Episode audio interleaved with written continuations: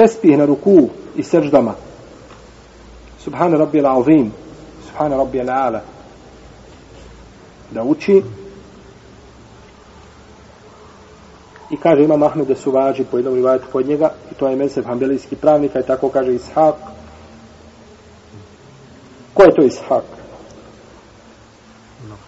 ko je Ishak? Ishak ibn Rahavoj ili Ishak ibn Rahoja može jedno i drugo kao Sibevoj i Siboja. Ishak ibn Rahavoj Ishak ibn Rahavoj i Davud ibn Hazm i drugi. Njihovi dokazi su hadis Ukveta ibn Amira kaže kada je uzvišeni Allah objavio Fesebih bisme rabbike l'azim rekao je poslanik sa osaname i džaluha fi rukuekum učinite ovaj tespih na vašim rukojima da kažeš subhane rabbije rabbi el-azim subhane rabbi el-azim a kada je objavljeno sebi hisma rabbike el-ala kaže i džaluha fi suđudikum učinite kaže ovaj zikr u vašim seđdama, subhane rabbi rabbi el-ala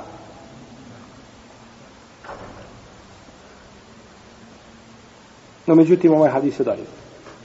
Ovaj hadis je šta? Da i. Slab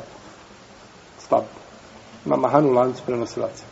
Ali došao hadis Ibn Abbasa, kome je poslanik sa osame kaže meni je zabranjeno da učim Kur'an na ruku i na srždama a što se tiče rukua činite ta'zim gospodaru recite subhana rabbi al-azim ta'zim činite a fihi rabbi azza wa jal وأما السجود فاجتهدوا في الدعاء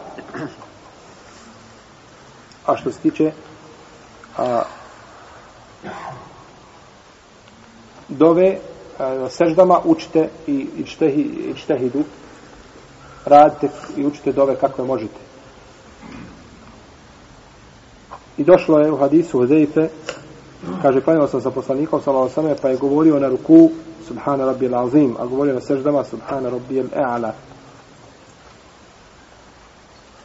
međutim već, većina islamskih učenjaka smatra da je tespih na ruku i na seždama sunnet i da nije vađib. Kažu jer on nije to naredio poslanik sa osam to nije naredio on je čovjek koga je poučavao namazu. Ovo moglo proći onome ko kaže da je prethodni hadis daif koga su spomenuli.